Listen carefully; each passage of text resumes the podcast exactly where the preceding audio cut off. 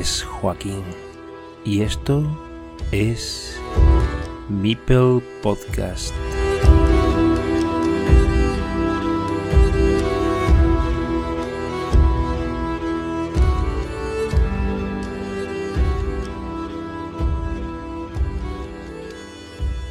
Hello, uh, you're welcome to Mipel Podcast.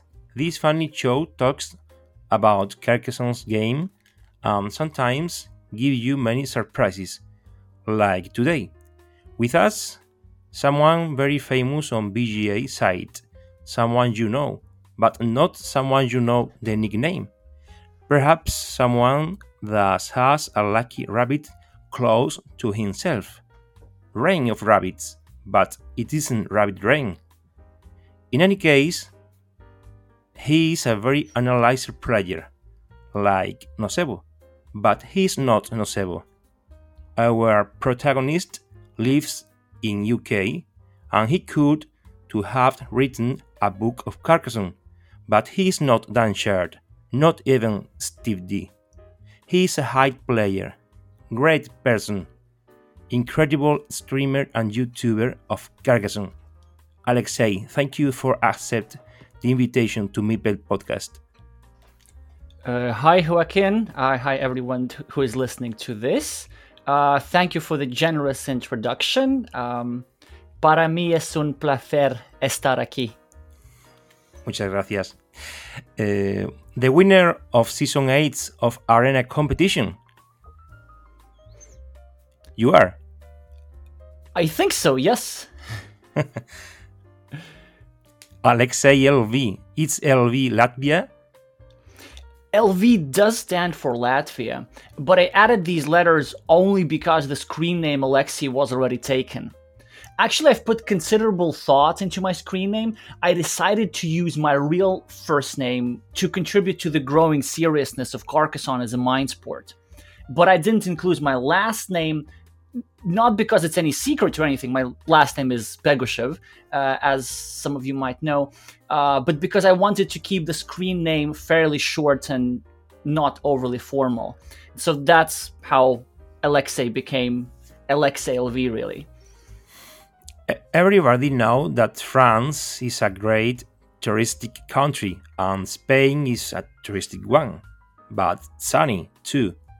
Germany has a high power like England, and there are many famous cities in all the, of these countries, but many people are known Latvia. What would you highlight from your country?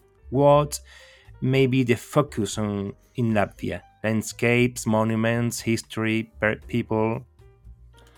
Uh, so I'll assume that most of your listeners haven't been to Latvia, so I'm going to give you a quick introduction. Here are the main things you'd need to know.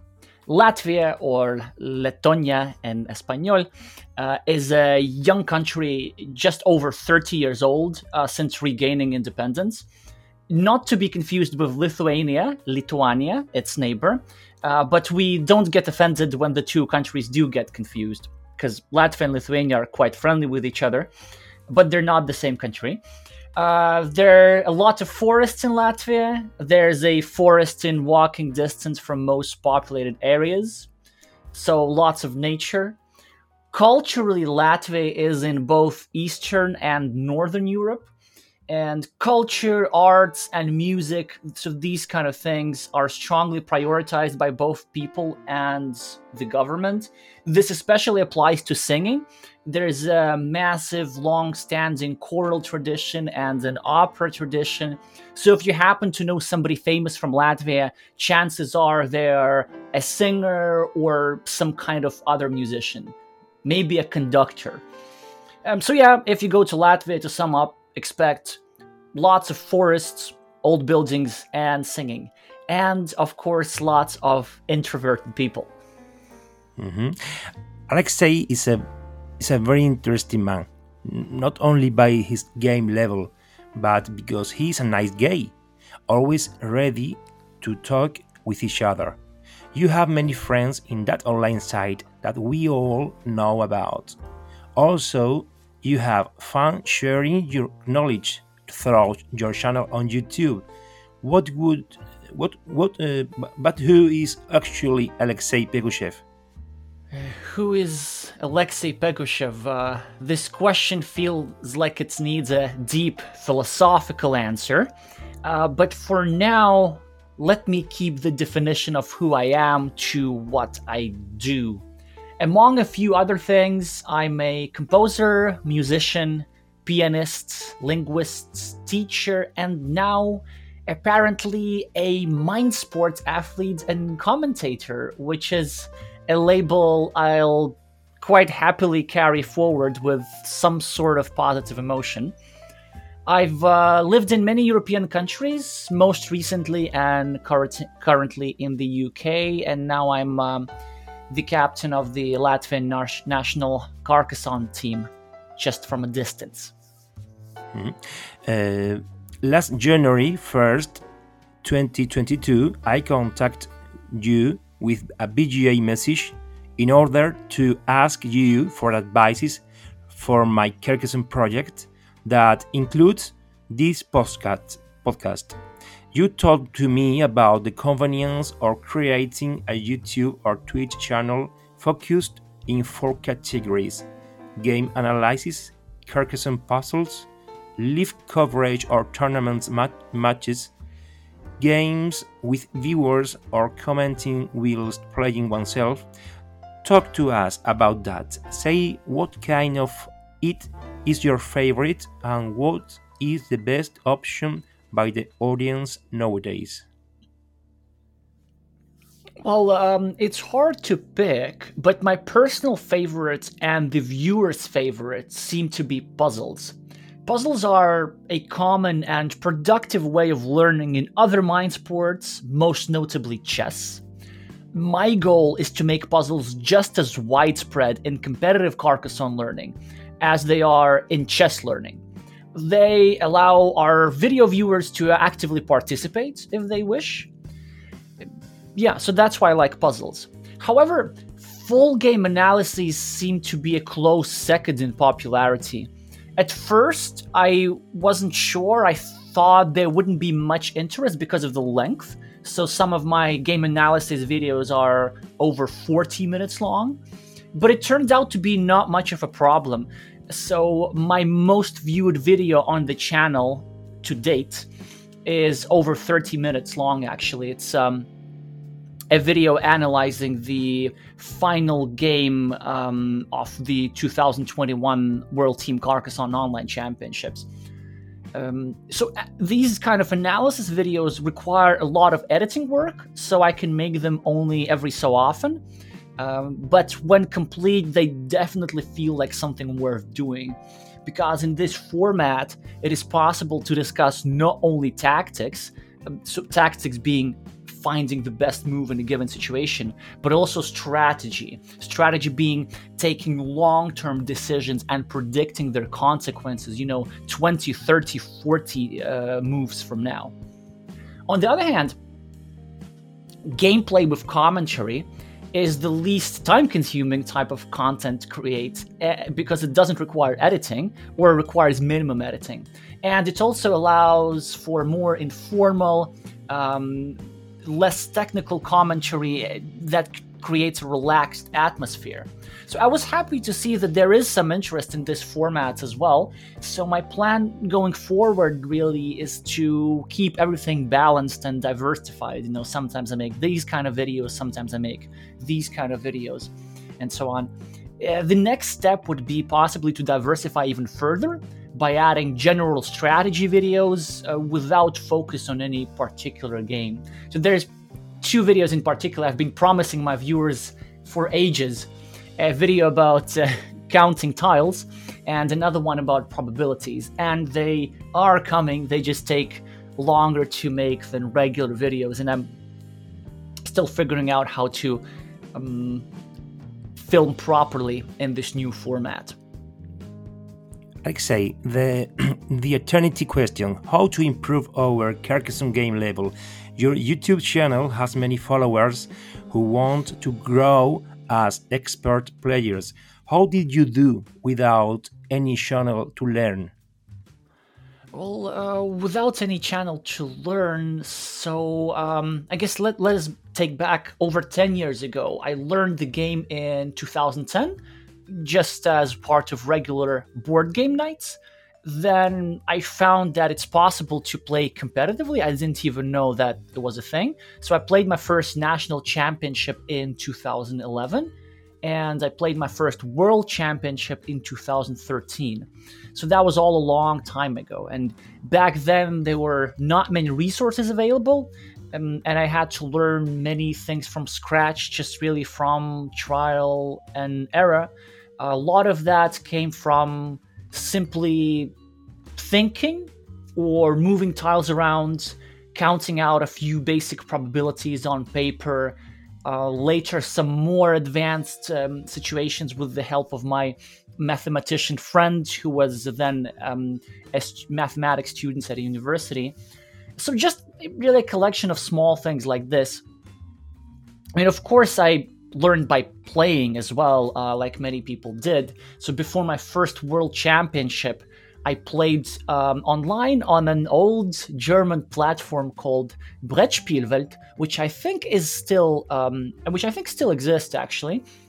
The championship itself, the World Championship in 2013, uh, that I ended up participating, was a major learning experience because that was the first time I encountered many strong opponents in one day, like it's really high concentration, and it changes things significantly.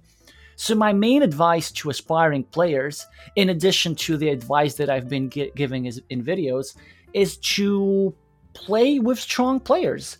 Even one game with a strong player, especially somebody who's significantly stronger than yourself, um, can teach you a lot, especially if you see a move that surprises you. Then you can stop and ask yourself, okay, why did my opponent play this? What were they trying to achieve? And you can just simply eh, learn from your stronger opponents. So that would be my main advice. Mm. Uh, counting tiles, not at the end of the game, but from the beginning, is that a talent, skill, or ability? Is a memory exercise can be trained? Is a mnemonic trick everyone can control and easy to learn? Uh, good question. Well i wouldn't say that counting tiles requires any extraordinary talent or anything. It is certainly a skill that needs to be developed because you need it for the game, but it also improves naturally when you develop a deeper understanding of the game, of standard game situations. The more subtleties and details of the game you notice, the more significant each type of tile becomes.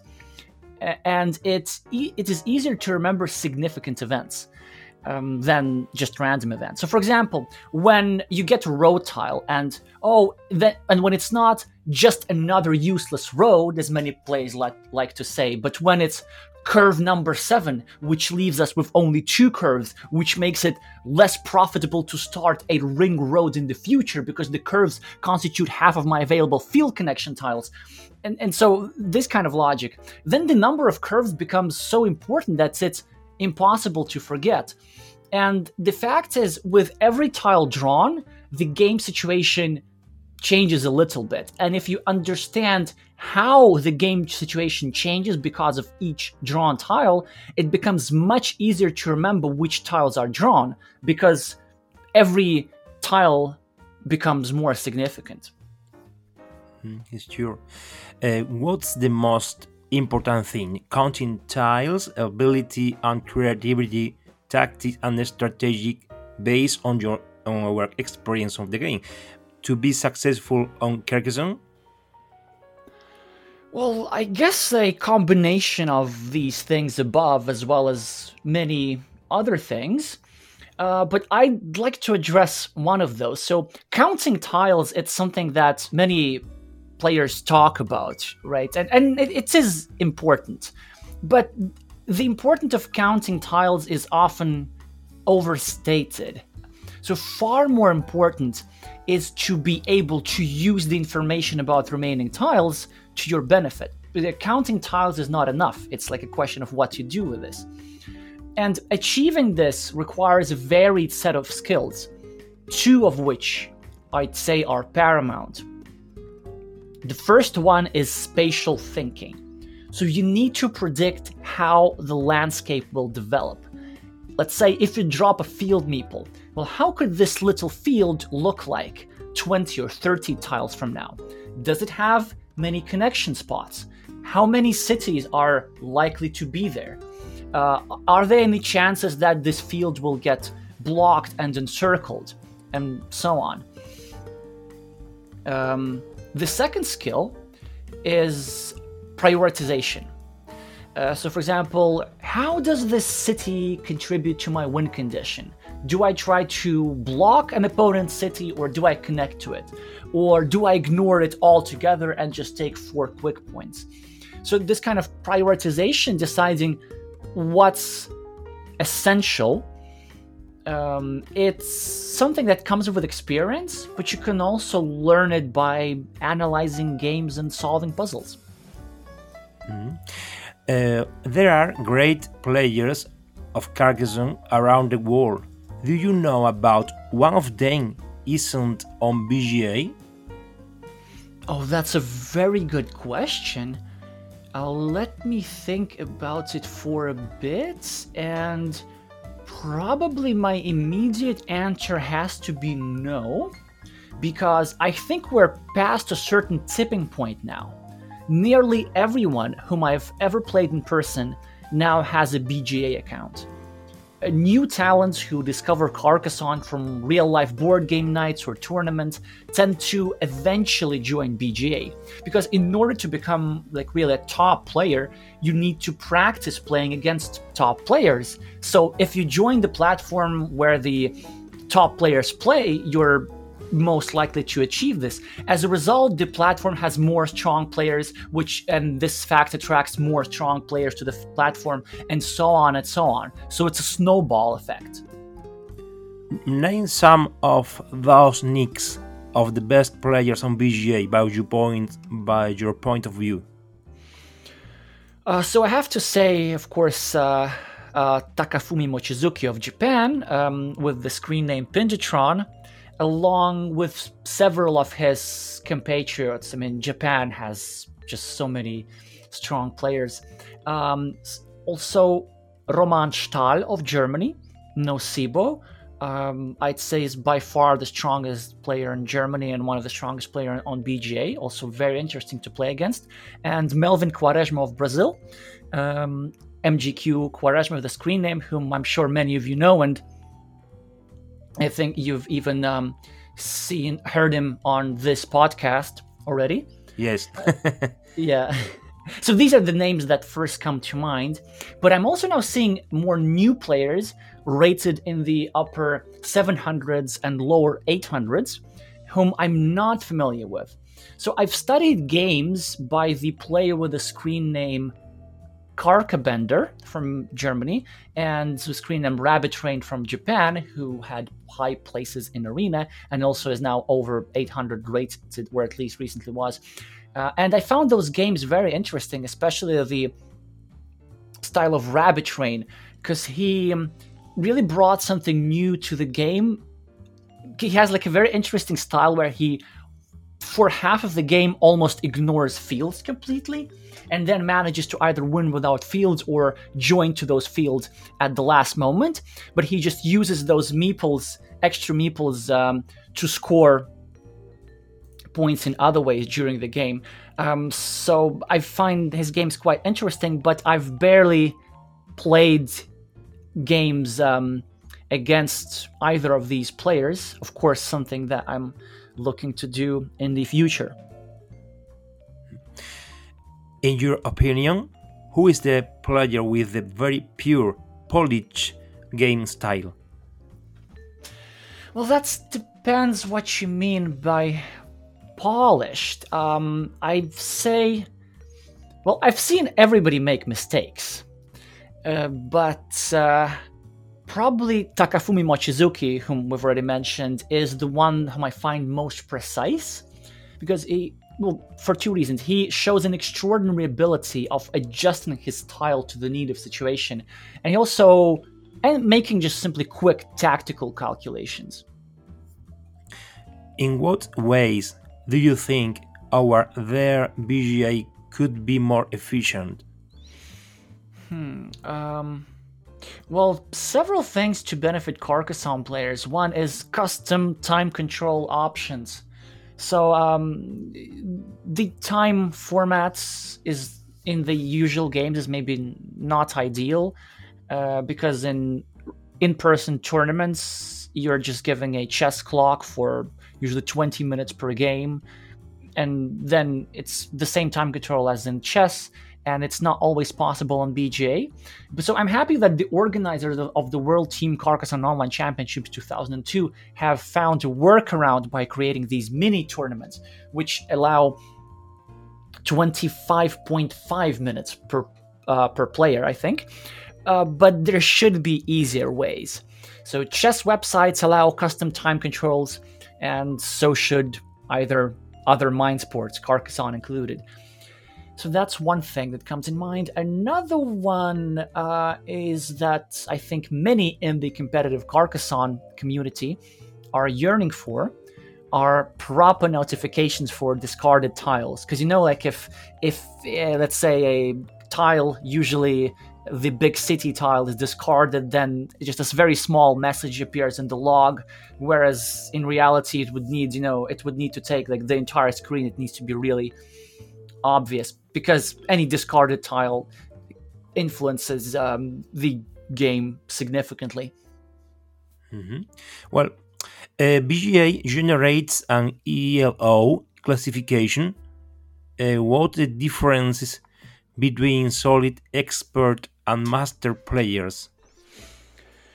Well, uh, between these categories, I'd say the main difference is psychological. So, master just sounds nice. It's a nice, shiny label to wear. But there are also some practical differences between the categories. So, it seems to me that it is around the 700 ELO mark, so the threshold for master on BGA, that I start seeing a spike in the depth of understanding of the game and a more cutthroat approach to the game. So players at that level tend to aim to fight with every tile, and they view Carcassonne clearly for what it is, a zero-sum game. So you know, like every move, if I if I you know just get one point for myself, or if I make my opponent lose my uh, lose one point, the value of these two moves is exactly the same, and it's not obvious from a psychological standpoint. So really good players need to cross this threshold and kind of understand the zero sum nature of Carcassonne, of competitive Carcassonne, um, with all their essence, maybe. Um, and of course, one needs to remember that Carcassonne is a game with variance, so the ELOs, the ELO ratings, will fluctuate more than in, say, chess. So, mm, like the ELOs are not always precise because they might uh, reflect some recent success or recent misfortunes. Uh, but it does show a lot as well because one needs to remember what is behind the ELO system.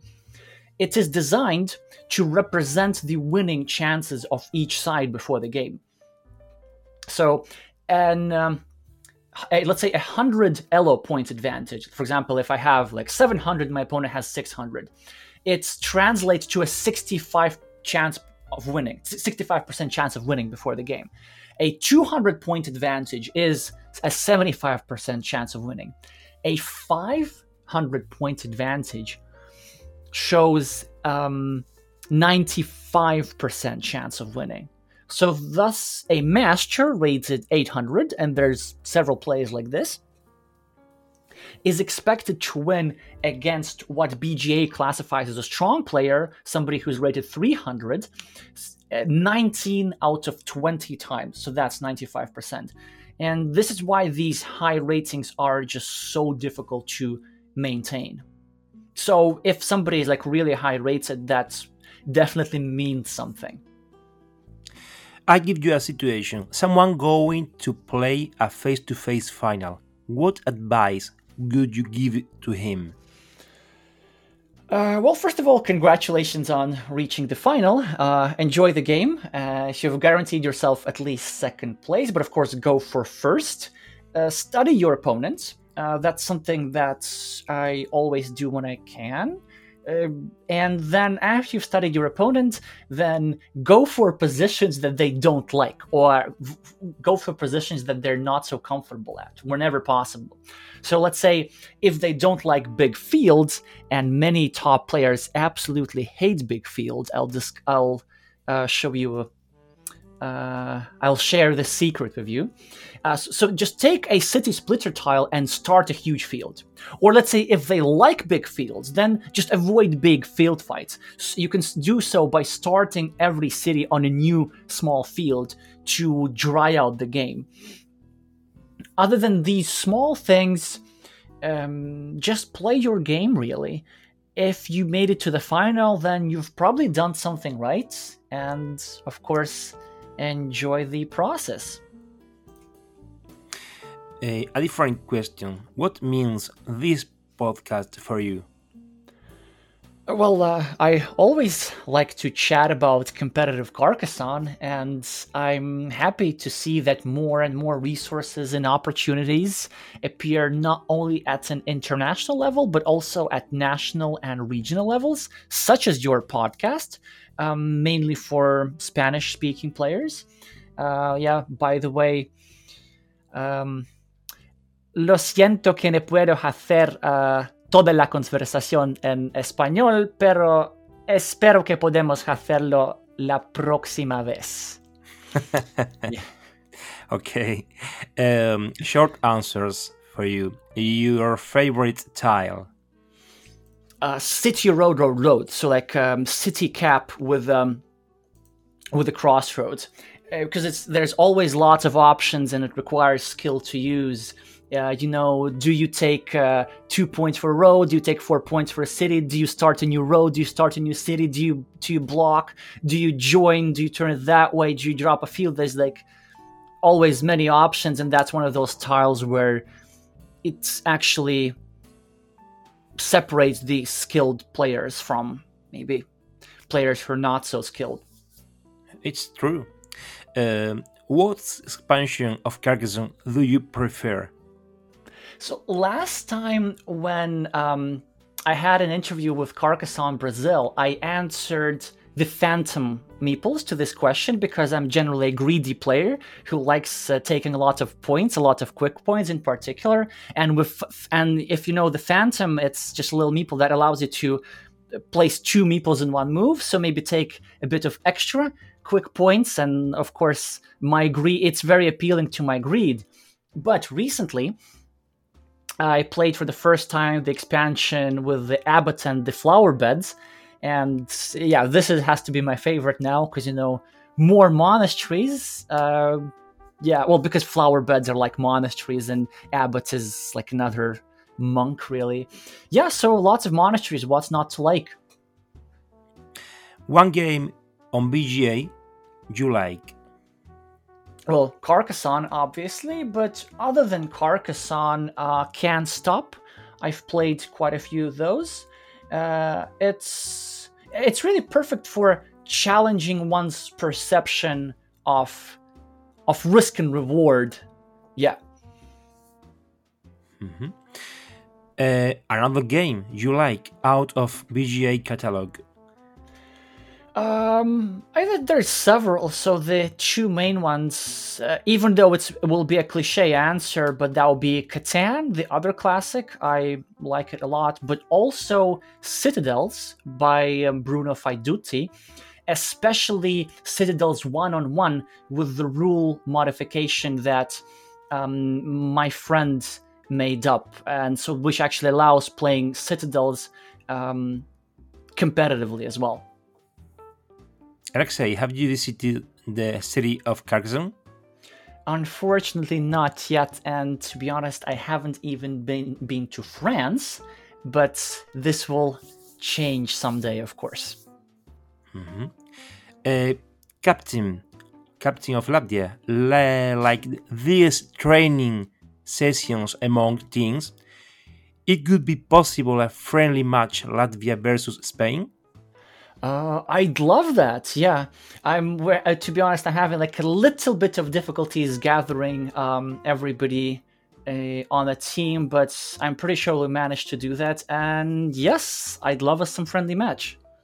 Okay, I give you the our nickname or our captain nickname is Valle 13. Uh, v A L L E 13. I send you the, the name, okay? Yeah, thank you. Please do. Alexey, it was a pleasure for me. You have been on Meeple podcast tonight. Yes, Joaquin, thank you. Same for me. Uh, gracias para invitarme. Okay, gracias a ti.